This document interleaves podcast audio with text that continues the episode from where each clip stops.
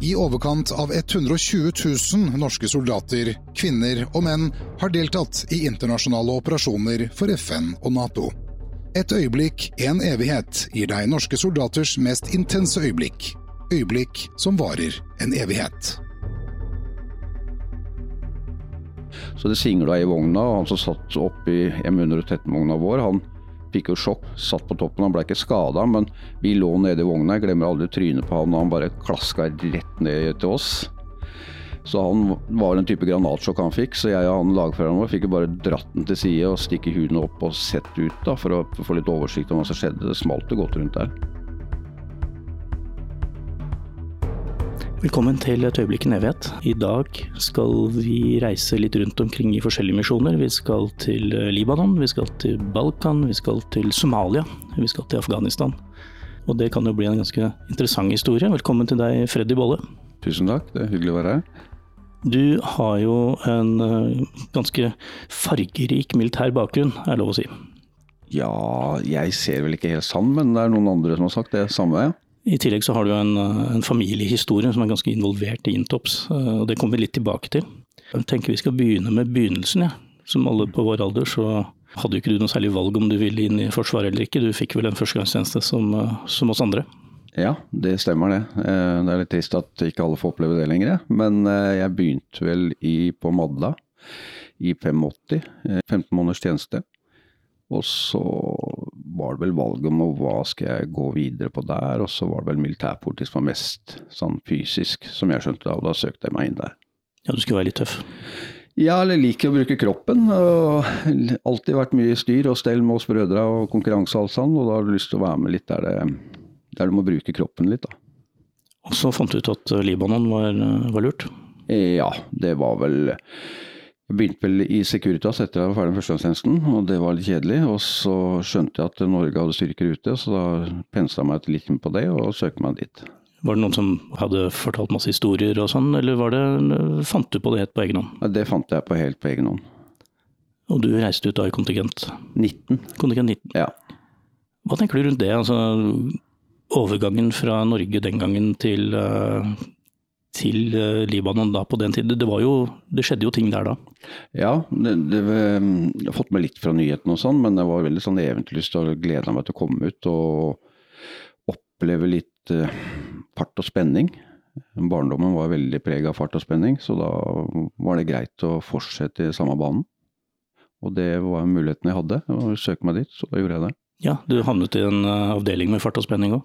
Ja, etter hvert. Jeg var først en måned i Norbat, eh, og så blei det oppretta FMR på den tida der. Og da skulle de vel ha jeg åtte eller ti frivillige som eh, hadde lyst til å reise over dit. Og da rakk jeg opp hånda og sagt det jeg har lyst til, og da ble jeg overført dit etter en måneds tid.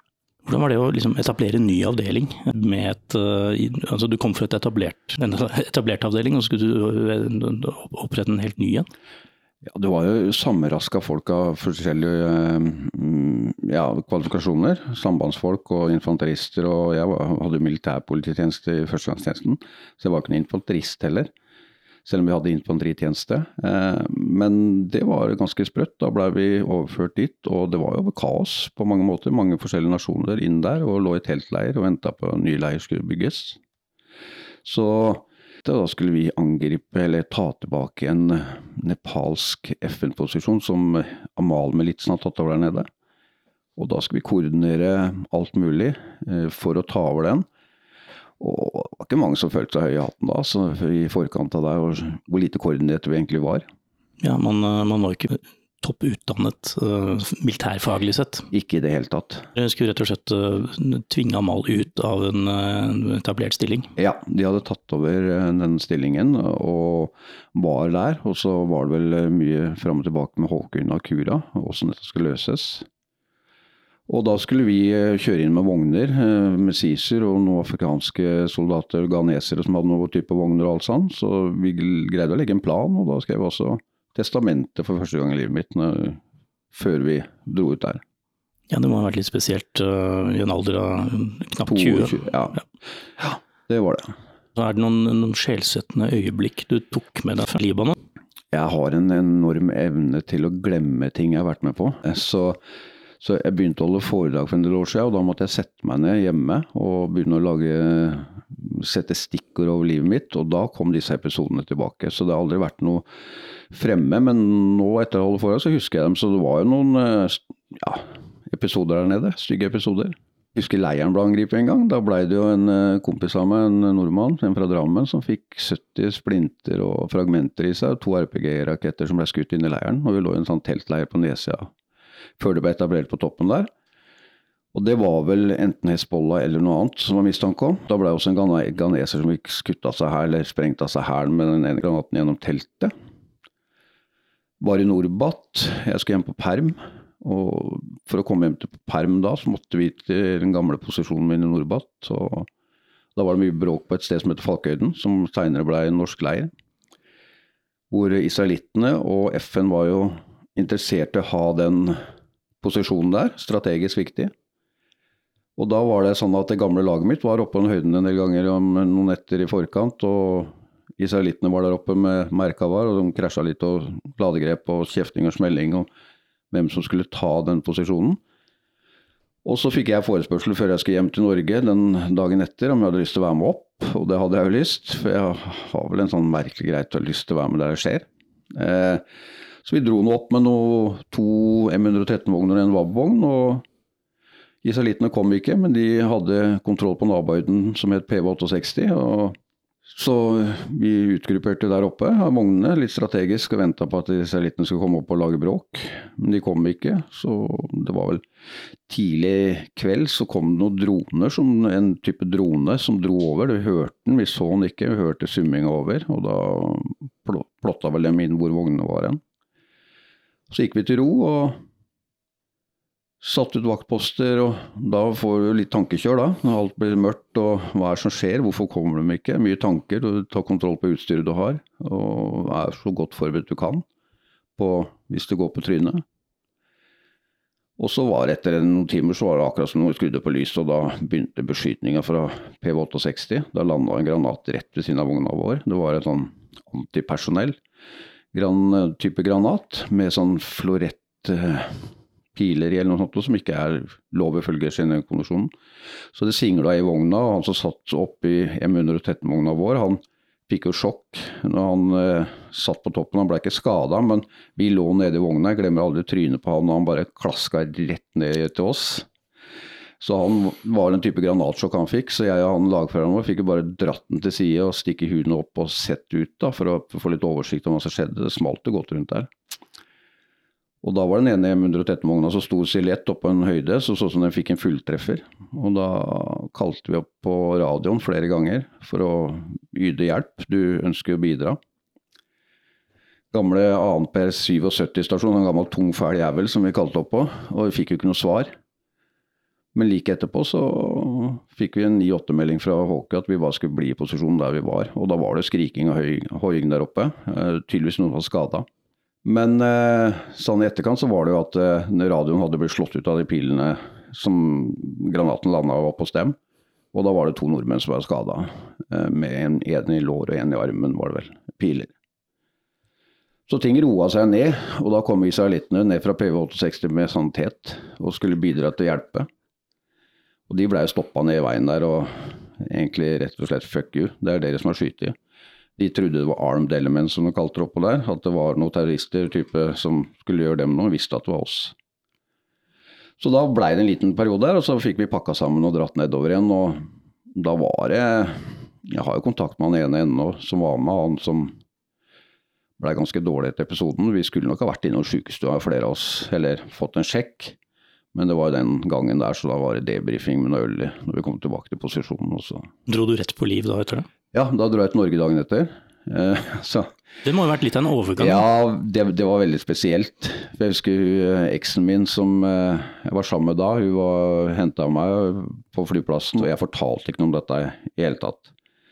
Men er sånn, da var jeg litt sånn ferdig med episoden, selv om den ligger og lå sikkert og murra litt. Men da var jeg ferdig med den og putta den bak i det sorte hullet, som jeg kaller det. da. Ja, hyggelig at du ville ta den fram nå. Ja, jeg, jeg er nødt til det. Bare håper ikke sorte hullet blir for fullt. Etter Libanon for deg, så, så ble det Somalia? Ja, det blei noen år etter. Det var vel i 93-94. Så da reiste jeg dit. Og da um, søkte jeg meg til noe vaktlag der nede, og var vel der ca. en måneds tid eller tre uker, og skjønte at da var jeg bare inne i leir. Så jeg skjønte ikke at det var noe som het skort, livvakt skortelag som også var der. Og da var det vel nesten sånn, eller det var ikke sånn, var, jeg gjorde jo det. og Jeg sa at jeg ønsker å reise hjem hvis ikke jeg ble overflytta til eskortelaget. Av, Jeg hadde ikke lyst til å være inne i leiren. Selv om de eskortegutta fikk vært med mye ut i Mogadishu, de var med amerikanere og litt forskjellig. Men det var ikke helt meg å være inne i den leiren. Så da fikk jeg over, overflytning dit, og så blei jeg der. Men vi som har sett eh, Black Hawk Down-filmen, og som husker det som skjedde i de store, store opprørene, for å si det sånn, mm. i, Mogadishu, eh, hvordan opplevde du det? Nei, Vi fikk jo det på nyhetene når vi var hjemme. Det var, jeg husker ikke helt, det var rett før vi dro ned at dette skjedde. Så det øker jo litt eh, bevisstheten på hva du egentlig reiser ned til, da. sånn sett. Men det var jo ikke noe option å ikke reise. Det var det ikke. Var det noen sånne incidenter mens du var der? Altså, var, det, var, det, uroligheter? Ja da, det var det. Og vi var jo stort sett ute og kjørte i Mogadishu hver eneste dag. Om det var eskorta personell eller matvarer eller andre ting. Vi besøkte også en skole med, eller ikke skole, det var en sånn hjem for foreldreløse barn. Hver søndag som vi var inne og leverte noe kjeks og tegneark og litt forskjellig. Så vi blei jo angrepet. Eh, I hvert fall én gang som var ordentlig så ble jeg skutt i en eh, somalier en døråpning rett ved siden av meg. Og når vi passerte Jeg vet ikke om jeg skal gå inn på hele den historien, den kan være lang. Men, eh, men da skulle vi ned til eh, flyplassen og kjøre eskorte. Jeg husker ikke, det var, det var vel noe personell som skulle på livet eller noe sånt nå, så vi kjørte full eskorte ned med folk inni vognene. Sånn TPZ Fuchs, eh, tyske panservogner. Eller det er vel sånn transportpanser. Da kjører vi ned og leverer dem, og så hadde vi forskjellige ruter fram og tilbake hvor vi kunne velge, men da skulle vi kjøre gjennom byen på veien tilbake. Og de vognene var ganske godt bevæpna med en MG foran og bak, og midtsikrer med gjerne granatkaster på hagen og en vognkommandør og sjåfør. Og da kjørte jeg eh, den bakerste vogna, det var to vogner, tilbake.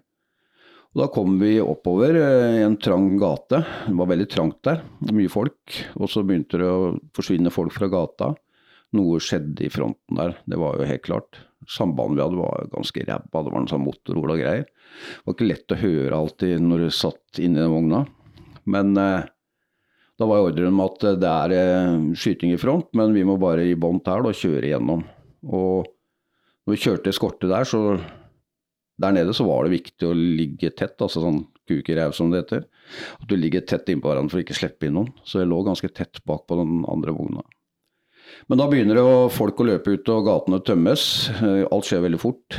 Og så var det, lå det plutselig folk i gata. Det var skyting, det var murpuss som spruta på begge sider av gata med tette hus. Og så kommer jeg litt bak den første vogna, og da åpner bildet seg med for min del. Og da ser jeg på venstre hånd foran meg, så står det en eh, kar med kalasjnikov i døra og peker utover. Eh, når jeg kjører, så står han ved siden av meg i, i setet, da, eh, med MG-en foran. Så jeg skal slå han hardt på låret for å inn, eh, og skrike til ham at det er en trussel venstre foran. For han sikrer jo 180 grader forover. Men da jeg, skal, da jeg ser bort på ham, så skjønner jeg at han har sett trusselen. Så han, han snur seg, du ser på kroppen hans at han er på vei, og sender en byge inn den, den døråpningen. Da, så skyter vel også han vognkommandøren bak også inn der, da, så han forsvinner jo innover. For han pekte jo opp mot der. Så sandepisoder og ja, vi blei beskutt noen ganger og måtte gjøre noe unnamanøvre, så det, jeg blei beskutt inne i leiren der en gang, ute på joggetur. For eh, amerikanerne hadde vel eh, lagt ned en del bygninger rundt den amerikanske ambassaden vi lå på. Så var det lite innsyn til leiren. Også US Marines hadde jo også sniperoppdrag rundt hele ambassaden. Og da var jeg jogga, og da var det en byge et par meter fra meg, så jeg kasta meg ned en grøft. Eh, og, men US Marines tok ut to somaliere på Tustak ganske kjapt etterpå. da. Men da vurderte jeg å jogge andre tider på døgnet etter hvert. Det hørtes jo ganske fornuftig ut, akkurat ja. det. ja. Så Somalia for deg, var det noe slags vendepunkt? Var det noe du, du satt igjen med etter Somalia som, eh, som gjorde at du Du valgte jo å fortsette, nemlig? Ja. Jeg, rett etter Somalia så søkte jeg på noe som het 2016, så heimevernsgreier som var mye trening og sånn på opptak der. Så jeg var ti år, så jeg hele tatt hadde lyst til å ha den biten der. Så jeg var sånn hjemme et par år, så reiste jeg ut igjen. Og så hjemme et par år og jobba og reiste ut igjen. Så det ga meg mye på en måte, altså. Og når du er litt hjerneskada og flink til å glemme, så er det ikke så mange av de inntrykka som ødelegger for deg heller. Nei, det høres jo praktisk ut akkurat ja. det. da. Du, du, begynte jo etter hvert å jobbe for, eh, for det vi kaller etterretningen. Ja, det stemmer. Det var, det var litt seinere igjen, da. Det var vel i 99 jeg begynte der. Og da var det, da var det Balkan som gjaldt? Da var det Bosnia, ja. Så, ja. Og, der, hadde du lillebror som sjef? Ja, det blir obvious da når vi tar ut den. Ja, ja, jeg hadde en lillebror som uh, sjef den uh, perioden der, ja. ja Trond Bolle, som, uh, som, vi kommer tilbake til, og som, mm. som senere falt i Afghanistan. Mm. Men de oppdragene var vel en helt annen art enn det du hadde gjort tidligere? Ja, før så var det jo både i FMR og Somalia så var det å kjøre eskorte og sånne ting. Det var tungt bevæpna eh, og mye styrke bak det du driver med. Her var det jo å operere gjerne én til to, tre stykker og reise rundt og snakke med forskjellige folk. Så myndighetene hjemme skal få en viss oversikt om passasjerene på bakken der. Ja, for det mange helt sikkert sitter og lurer på om dere var sånn James Bond-agenter som, uh, som, hopper rundt med eh, Walter PPK i lomma og er litt sånn Det handler egentlig bare om uh, et slags informasjonsinnhenting som, som, du kan få tak i veldig, ja, veldig lett. Det er, jo, det er jo det. Som, du må jo bygge relasjoner med mennesker der ute for å få relevant opplysning som kan være viktig for beslutningslagerne hjemme. Så, men det var en uh, type spennende jobb, og det var jo trusler der òg. Du er ganske sårbar da, uh, når du ut, uh, jobber på den måten. Ja, fordi miljøene rundt, de som du tross alt er motparten til, de vil jo ikke at du skal gjøre dette, så de, de er jo etter deg. De, de, vil jo prøve å kartlegge og finne ut hvem du er og alt sånn, og der er det mye mennesketyper som kan dra den ganske langt da, på den andre siden. Men nå hadde jeg jobba i barnevernet en del år før dette her òg, og sett mye forskjellige psykiske lidelser som var godt å ha med seg inn i jobben. Og det bare tegna mye krigsforbrytere og sånn der nede også, at det var noen diagnoser som kanskje ikke var helt heldige. Ja, særlig med, med den bakgrunnen som var etter, etter Balkan-konflikten. og vi, vi, som har vært der vet jo at eh, den, det var jo ikke noen hyggelig hyggelig periode i Europas historie. Nei, det var en råskap uten like. Å se hvor langt mennesker kan dra det når de eh, får de rette menneskene og propagandaen styrer. Ja, og når vi sitter og spiller inn dette, her, sånn, så er det jo et nytt teater på gang. Eh, vi snakker om Ukraina-krisen. Mm. Eh, og det kan jo sikkert både du og jeg kjenne litt på, hva som nå kan skje. Ja, jeg kjenner på det, og syns ikke det er noe eh, ålreit. Og jeg følger med på nyhetene og sånne ting. Og jeg skal innrømme at jeg er litt urolig for det hele. Selv om han godeste Putin er en en god spiller, så kan bli trengt opp i et hjørne og ikke ha noe annet valg enn å sette i gang, da. Så det er spennende. Ja, det er fremtiden. Uh, mm. Nå skal vi tilbake til det som har vært. Hvor lenge holdt du på å operere på Balkan? Jeg var vel ca. 15 måneder nede der med både Bosnia og Kosovo. Ja, og det var, det var, stort sett det du drev med? Sånn, ja, det var jobben der nede. Ja. Etter hvert så blei det jo eh, åpna enda, enda, en misjon, et teater, og du, du dro til Afghanistan? Mm, det stemmer det. Det var vel et par uker at, at de flya ble flydd inn i tårna der nede, at jeg fikk en henvendelse om å reise. Og da tror jeg jeg brukte et nanosekund på å si ja. Fikk litt kjeft av kjerringa, for jeg hadde ikke spurt henne i det hele tatt. Men hun veit jo hvem jeg er gift med, så det var greit. Så, men da var det en del venting, så vi fikk ikke reist på, så tidlig vi ønska. Så vi måtte vente helt til januar 2002 før vi fikk reist ned. da. Riktig. og Da var det i den perioden hvor det var uh, si, klappjakt på terroristene, eller var det, var det, andre fokus dere hadde? Det er litt samme som på Balkan. Finne ut ting på bakken, eh, hva som kan være nyttig der hjemme. Og skape relasjoner og bygge seg et nettverk, rett og slett, som kan dra nytte av med bakgrunn fra FMR og, og da eh, det du fortalte om fra Somalia, eh, og så går du over i den andre mer sånn lette, men eh, halvskjulte rollen mm. både på Balkan og i Afghanistan. Altså. Var du redd noen gang?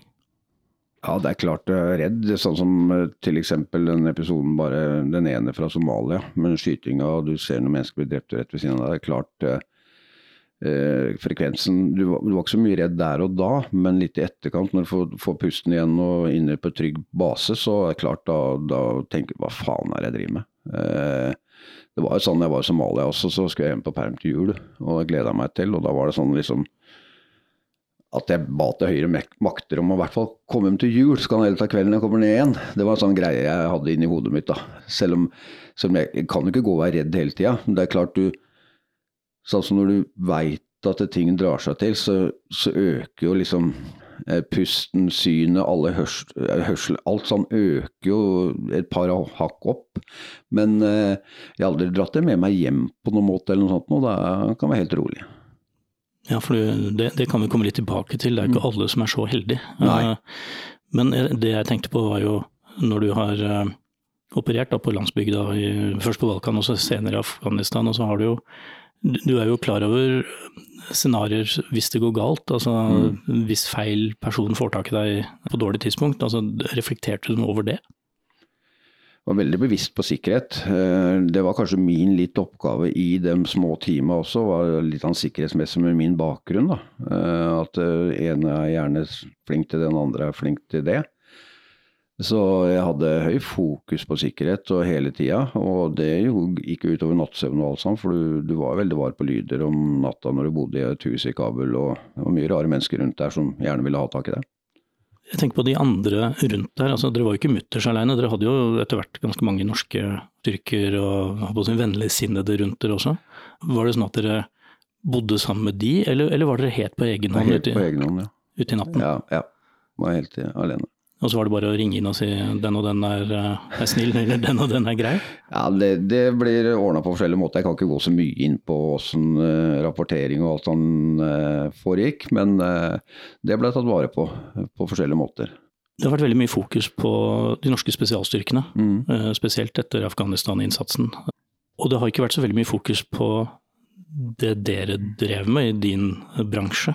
Men dette henger jo sammen. Alle jobber jo sammen her. Mm.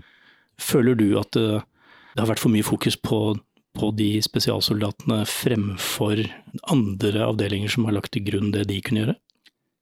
Nei, det, det, tenker jeg ikke så mye på. Eh, jeg veit hva jeg har gjort og vært, hva jeg har vært med på, så det holder for meg. Og hyggelig at andre blir båret fram i lyset. Eh, det syns jeg er helt topp. Så det er ikke noe sånn for meg om å pisse høyest på veggen eller sånne ting det, i det hele tatt. Vi kommer litt inn på det at uh, Trond, broren din, som da uh, falt, uh, ble også den første etter annen verdenskrig som ble dekorert for en handling etter annen verdenskrig, mm. med krigskorset med sverd. Og hvordan var det midt oppi? Du mister broren din, det er mye, mye kaos. Han var ikke alene i den eksplosjonen, det var jo tre andre også som ble drept. Hvordan var den meldingen å få den var, eh, den var, tøff, den. Selv om på en måte så er du forberedt på det. På tre brødre som har vært med ute. Jeg tror vi har vært ute i Du leste et sted Trond har vært ute i 70 måneder. Jeg veit ikke om det stemmer. Lasse har sikkert vært ute i 40 måneder. Jeg er rundt noen og 30 måneder. Det er ganske mye. Så det var en del av livet at alltid en eller annen var ute. Det var vel sånn fra jeg var ute i 87 til Trond døde i 2010, så hvert år så var en av oss ute på et eller annet sted. Mest Trond på slutten, da. Så, så, så jeg husker jo når jeg fikk eller satt og så på TV på en søndagskveld eh, da dette skjedde, og så så jeg på tekst-TV, eller på nyhetskanalen, og da var det en sånn rulletekst av fire norske drepte i Afghanistan. Og det første jeg gjorde da det, Jeg visste jo at Trond eh, var der nede, for han var innom meg på jobben et par uker før han dro.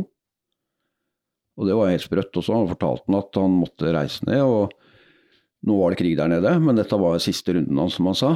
Nå er det bra. Han, han var nok litt sliten etter så mange oppdrag ute og, og i operativ tjeneste. Men han valgte å dra for å være erstatningsmannskap for noe som skjedde 2. mai. Et angrep på norske soldater, mange ble skada. Og så ikke dra inn ferien til noen av gutta. Så han var inne og bare hilste på meg på jobben. Fikk jeg en klem av han, det har jeg aldri fått før. Så det var litt sånn rart. Og han sa at nå er det alvor der nede. Og så så jeg på nyhetskanalen, og da var det den uh, teksten under der, og da ringte jeg kona. Hun fikk jeg ikke tak i, for hun var jo på, på hytta deres, så det er dårlig dekning. Så jeg ringte en del ganger opp dit, og så til slutt så fikk jeg tak i henne da, og fortalte hva som har skjedd. Og da sa hun at uh, hun hadde ikke hørt noe. Den pleier å få meldinger hvis det er våre styrker har vært med et eller annet, så men alt ok. Så hadde hun ikke hørt noen ting, og trodde kanskje ikke var Trond som hadde det skjedd noe med.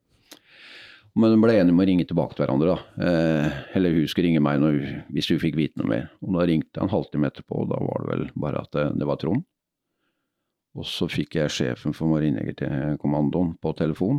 For da hadde jo han og en politimann og presten fra Sjøforsvaret prøvd å finne Bjørg for å gi henne den beskjeden direkte, da. Vi hadde jo en, eh, en episode tidligere her på et øyeblikk nevet med Bjørg, som eh, dere kan høre detaljene der, om ja. hvordan hun opplevde det. Ikke sant, ja. Men, eh, men du satt da også midt i dette her? Ja, jeg gjorde det. Og da var det jo sånn at hun sa det, og da spurte han fra sjefen for Marinekommandoen om eh, jeg trengte en prest for å gi beskjed til mine familiemedlemmer. da. Og da sa jeg vel at det trenger jeg ikke, den beskjeden skal jeg gi sjøl. Og da ble jeg enighet om at eh, vi skulle ringe tilbake når jeg får gitt beskjedene. Og så spurte jeg vel han også om, for det var litt sånn viktig for meg, at eh, om det gikk fort når det skjedde. Og da trodde vel han at med 99% sjanse at det var bare et lysglimt, så var det over. Det var litt sånn betryggende oppi det hele. Men uh, da fikk jeg lagt på med han, og da tok jeg egentlig telling. Da gikk jeg ned, seig jeg ned på gulvet. Da begynte ting å balle seg på inn i hodet. Gikk helt rundt for meg. Uh, nå har det skjedd det som egentlig ikke skulle skje, men kunne skje. Så jeg måtte ta en liten time-out på gulvet, og så lå jeg der. og så begynte den der indre stemmen min i hodet og sa nå må du faen meg ta deg sammen, nå kommer jeg på beina, nå skal du varsle uh, dem rundt deg. Så det gjorde jeg jo, da. Og da reiste jeg rundt til det var vel fattern jeg reiste til først. Han eldstebroren min ringte jeg.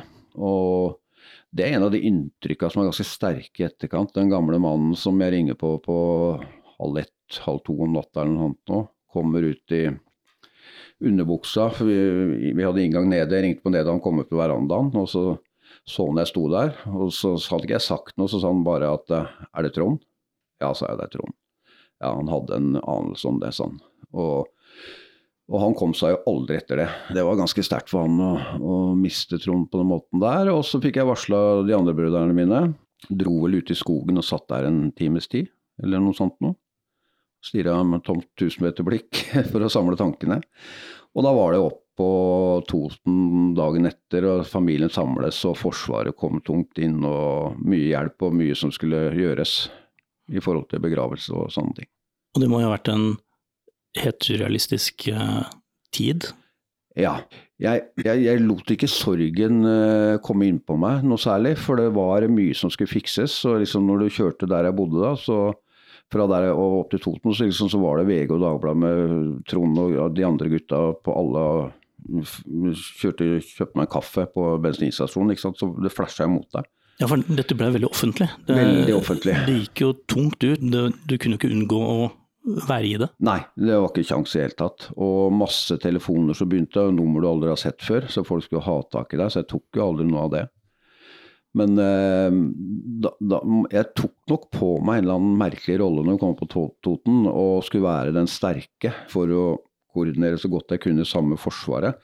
Så jeg blei vel på en måte et bindeledd mellom Forsvaret og familien, eh, sånn sett. Og det var mye som skulle ordnes, så jeg likte jo hele tida ha noe å gjøre der oppe, for å ikke slippe de der tunge følelsene inn på meg. da, Så jeg kunne heller bare gå litt opp og dirre på toppen og, og, og la det skurre og gå. Det var nesten sånn terapeutisk, det å få, ja, lov, få lov å jobbe med ja, det? Ja, få lov å bidra og være med, og holde det litt på avstand når det så mange andre ikke fungerte så godt. da. Eh, og kona hjalp mye til også, og det var mye sanger som skulle til kirken, og mye planlegging. Eh, og så var det vel Gikk vel etter noen dager litt tom for ting, og da var det Bjørg som skulle ha bytta et kjøk, svært kjøkkenvindu som Trond hadde kjøpt for mange år siden, men han var jo aldri hjemme. Og når han var hjemme, så var han så sliten at han ikke fikk bytta. Da jeg gikk tømmerlære sammen med Trond. Og da sa jeg ja, kjempefint, det skal jeg bytte, det vinduet. Det, det er jeg bare glad for å gjøre nå. Så spurte jeg hvor verktøykassa til Trond var hen, og fortalte det var et vedskjul, og da skulle jeg ut og hente det. Og det var jo den verktøykassa hvor jeg, når jeg og Trond gikk i lære hos fatter'n sammen, som han brukte. Så jeg kjente jo den teipen på alt verktøy, for vi hadde jo hver vår teip for å skille verktøy og sånn, så vi bytta litt teip og stjal verktøy av hverandre og hvem som var det beste.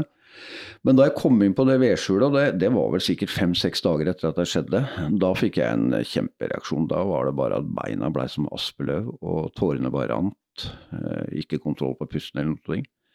Så da gikk jeg i bakken rett og slett inn på vedskjulet der og lå der i mange timer. Ingen som merka det engang. Og fikk komme meg til hektene igjen. Men da, da, hadde jeg fortrengt alt det der. Men uh, når jeg så den verktøykassa, så var jeg ferdig. Uh, men det gikk jo greit, da, så fikk jeg dratt meg inn igjen. Og så kom, uh, kom jo Trond hjem, og ble, altså alle tre ble tatt imot på Gardermoen. Full seremoni. Mm. Det var riktig for Norge og for Forsvaret, men hvordan var det for familien? Jeg syns det var en flott greie med talen og alt det som skjedde der oppe. At folk som var på en måte ofra livet for landet og ble tatt imot på den måten, syns jeg var verdig og fint. Og senere var det jo medaljeseremoni på Akershus festning tid etter, hvor det var vel sønnen til Trond som tok imot medaljen på vegne av far. Ja. Hva tenker du om at han fikk Krigskorset?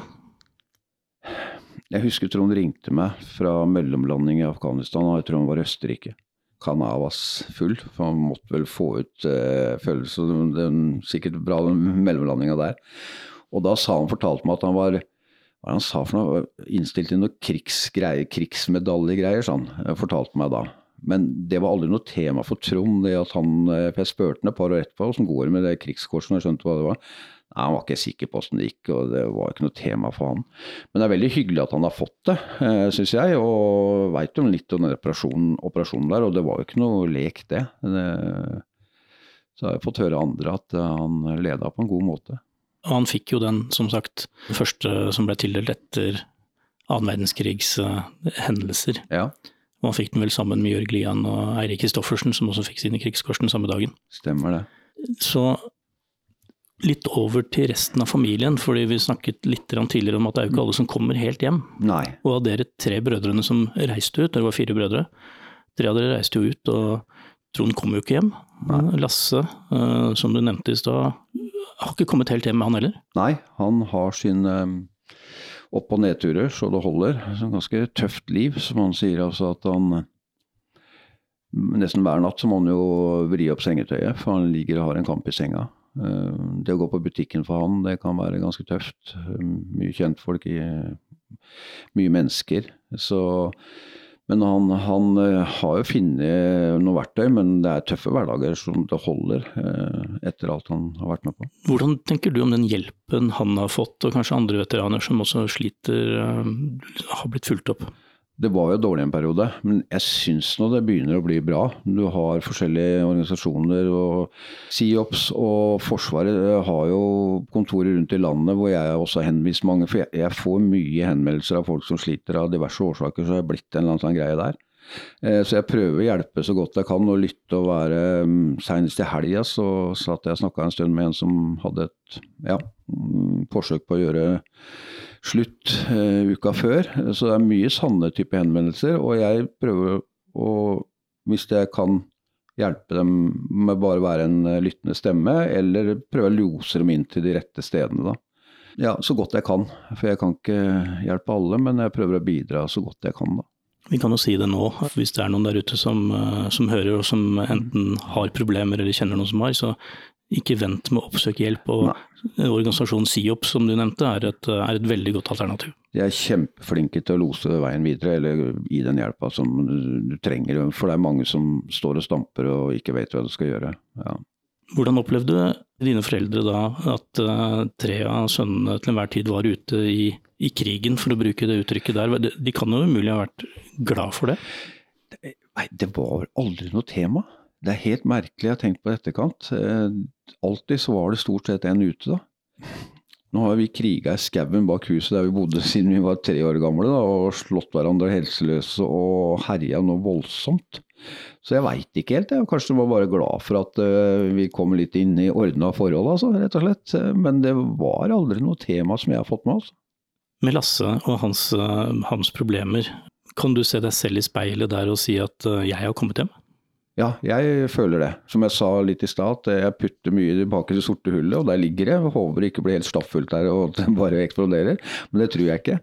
Men jeg har vel mine greier, ja. Sånn som jeg liker helst å rygge inn når jeg skal parkere. Jeg liker å gå inn på en restaurant og ha litt oversikt om nødutganger og hvem som kommer ut og inn. Det er mer naturlig etter en eh, tjenesten ute, tror jeg. Eh, men ellers så har jeg det veldig bra, jeg ja, altså.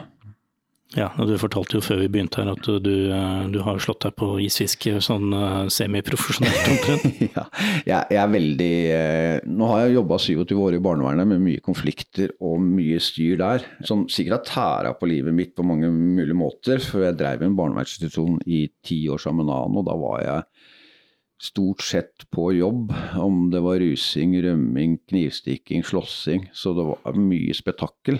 Så nå søker jeg mye ro, og jeg er veldig glad i fjellet. Både fiske vinter, vår og høst og overalt. Og har mye alenetid eh, i fjellet. Det, og det får jeg lov til av kona. Hun har sine ting som hun driver med, og så har hun også slått seg litt på fiskinga, så hun blir med litt hun også. Har noen veterankompiser som også er med innimellom. Så vidt jeg forstår, så er vel forskjellen på deg og kona at hun faktisk spiser den fisken? Hun spiser fisken, ja. ja. Med den, det du har fortalt nå, historiene fra, fra, de forskjellige misjonene og det som for kanskje mange virker som er ganske hektisk og fullt av trusler og vold hele veien, og så har du da valgt eh, et yrke som innebærer det samme. Er du, mm. er du blitt så prega av av det at du må oppsøke konflikter, eller er oppe i konflikter hele tiden. Vil, vil du kunne klare å roe deg ned etter hvert? Det er jo akkurat derfor jeg bruker fjellet, at jeg roer meg ned der og har det godt med meg sjøl. Eh, jeg eh, har jo permisjon et år fra jobben nå eh, for å kanskje drive med noen andre prosjekter, og det er ikke så voldsomme prosjekter. Men det er litt i samme gata at det er opplevelser og litt, ja, litt forskjellig. Men, men, ja, jeg roer meg veldig ned på fjellet. Det gjør jeg. Der har jeg funnet mitt rom på min måte, sånn sett. og det var litt sånn da jeg jobba i barnevernet, så liksom jobber du et par år hjemme med alt det innebærer og, av ting der. Det er mye ungdommer som er kjempeålreit òg, men det er mye styr noen ganger. Og så tar pause og reiser ut til krigsområdet isteden. Så, det, så det er ja, litt den hjerneskaden som slår ut, kanskje. Jeg veit ikke.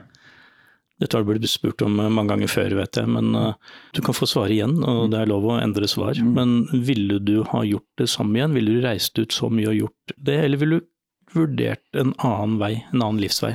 Jeg ville nok ha reist ut mer. Jeg fikk tilbud om Sudan og Irak også, eh, etter at vi starta barnevern, men da kunne jeg ikke, for da måtte jeg være hjemme i Norge og jobbe. Så den, den, den sitter så inne i beinmargen min. Jeg er litt sånn bitter på at jeg fikk vært med på de to oppdraga der òg. Hva er det som har drevet deg hele tiden? Du, du sa når du dro til Libanon, så sa du ja nei, det var jo litt eventyrlyst mm. få utløp for litt uh, noen instinkter. Mm. Eh, det må jo ha endra seg, for du, du, jo, du, er jo ikke 22 år lenger. Er det noe annet som har drevet deg underveis? Ja, Det er jo hyggelig å bli spurt da, og henta inn av Forsvaret om vi ønsker å bruke deg for at du kan bidra på en eller annen måte. Det er hyggelig. Og så er det vel kanskje at A4-livet hjemme kan bli litt kjedelig øh, noen ganger. Og da er det greit å kunne gjøre sånne ting. Faren min var sjømann og seila mange år. Han reiste ut da han var 14 år som sjømann, så det er sikkert noen gener også som slår inn her, vil jeg tro. Tror du at uh, vi som reiste ut uh, da, spesielt Unifil-perioden og sånn, videreførte arven med å reise ut, med det begrepet det innbefatt? For tidligere så reiste man ut, betydde jo at man var uh, sjømann som ja. faren din. Jeg tror det var mye sammenhenger der. Mye sammen med mennesketyper også, som gjorde det. Tok de valga. Jeg tenker på alle disse misjonene dine, alle incidentene du må ha hatt opp gjennom tiden. Er det et øyeblikk som virkelig sitter, hvor du tenker at nå, nå, er, det, nå er det enten-eller her? Ja, det er noen forskjellige episoder hvor du tror at nå blir det natta, rett og slett. Men det gikk jo bra, jeg lever jo nå. Så det har jo gått bra. Og da glemmer jeg fort også, men dra fram igjen. Det var en på i Balkan, på operasjonen der nede. Så skulle vi møte, og da bør ikke si hvor der nede, men vi rekka området, som vi gjerne gjør, og kjører inn på dagtid. Kommer tilbake på kveldstid og kjører inn i et smug der vi har vært før. Og det var ganske pent og pyntelig her når vi var der på dagen. Når vi kommer på kvelden og lysa fra bilen slår inn der, så er det jo preg av kamp i bakgata. Knuste bilvinduer, brostein. Det har tydeligvis vært et eller annet som har skjedd der. Fra vi var der på dagen til vi kom tilbake kvelden. Men eh, vi skal nå gjennomføre et møte med et menneske, og få rygga inn som alt gjør, for å komme fortest mulig ut igjen. Så alt blei lagt. Tolk og han andre operatøren drar jo i møte. Jeg sitter og venter til avtalt klokkeslett hvor lenge jeg skal vente, og alt er planlagt. eh, det er én vei inn i smuget. Jeg har snuta på bilen den veien, så klart, for det er lettest å komme ut. Det er bekmørkt. Det var ikke noe strøm, noe lys der, for strømforsyningen virka ikke. Og da sitter jeg jo der, og da har jeg MP5-en alltid liggende ved siden av meg, langs ved, ved brekket der. Og så har jeg Glokken liggende i fanget. Eh, begge er jo ladd, eh, så klart, for det er på et område hvor folk kanskje ikke ønsker det. Og da sitter du der og venter, og så er det bekmørkt, og tankene spirrer rundt, og så plutselig er det akkurat som noen slår på lyset. Da går det opp en dør fra en side der på bånn av den ene blokka. Eh, tydeligvis en kafé eller et eller annet der nede. Så var det noe aggregat da, som fikk jo litt strøm forskjellige steder, og det hadde de sikkert der nede. Og da kommer det fire karer ut av den døra. Og da hopper jo hjertet ekstra. Og da begynner du å tenke la dem ikke se meg, la dem ikke se meg. Kjære Gud, ikke se hitover. Men det er mørkt, og de går ut for å tenne seg en røyk, og det står en ring og røyker og prater. Og så begynner vel nattsynet deres å venne seg til mørket inni der òg, og da er det en som snur seg og bare peker på meg. Liksom, han sier et eller annet, jeg hører ikke, for jeg sitter inne i bilen. Jeg peker ganske sånn Der sitter det noen inne i bilen, og bilen er ukjent. Og da tenker jeg å helvete dette er ikke greit, tenker jeg. Og da begynner du å forberede deg. Den indre stemmen som jeg bruker, nå må du ha planen klar. Ut av det smuget. Kommer de for nære, sånn og sånn og sånn og sånn. Så det som skjer, er at de reagerer jo alle sammen. Og det var noen sånne type livvaktmennesker med pilotjakker og alt sånt, ganske robuste. Begynner å holde seg inne på innerlomma, så tydeligvis at de hadde våpen der. Så går de med type litt sånn vifteform foran bilen. Uh, sprer seg utover. Dette var trente folk, skjønte jeg. Ja, så da jeg sitter jo der og faen, altså, dette er jo ikke ålreit, og kjenner jo hjertet slår. Men uh, så er det en på venstre hånd. Jeg har spilt håndball over så jeg har ganske godt sidesyn. Så jeg får med meg alle bevegelsene og alt sånn på disse fire kara. Og så er det en som kommer mot meg på, på, på, siden, da. Og han går ganske aggressivt mot meg. Og jeg sitter i bilen, og da har jeg Glokken klar eh, ned fanget, men klar til å skyte gjennom vinduet hvis han prøver seg på et eller annet. Og da er planen å få skutt han, og så vri om nøkkelen og kjøre ut og bare stikke av, ut av det smuget, da. Men eh, han kommer ganske brått på, og jeg setter opp det peneste smilet jeg kan, og det er sikkert ikke pent, men jeg prøvde å smile så godt jeg kunne. Og han kommer helt innpå, og han ser jo ikke ned i, i fanget mitt der hvor jeg sitter med en glokk. Og han kommer innpå, og så bare sier jeg ok, ok, hører jeg bare gjennom ruta der. Og så trekker han seg tilbake.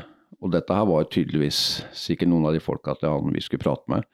Men uh, det kunne Jeg var lite tiendedel fra å sette en e-mail etter han og kjøre ut. Vi hadde han dratt den hånda ut av jakka, så hadde det smelt.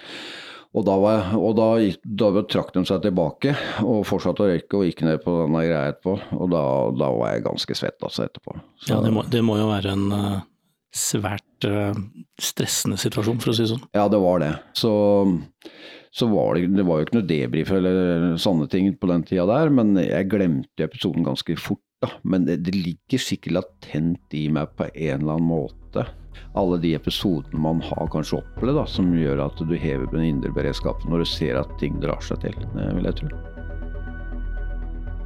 Dette er en av mange unike historier om selvoppofrelse og mot fra våre soldater. Her lar vi soldatene selv fortelle om de intense øyeblikkene, akkurat slik de opplevde det. Historier som rett og slett er blitt et øyeblikk, en evighet.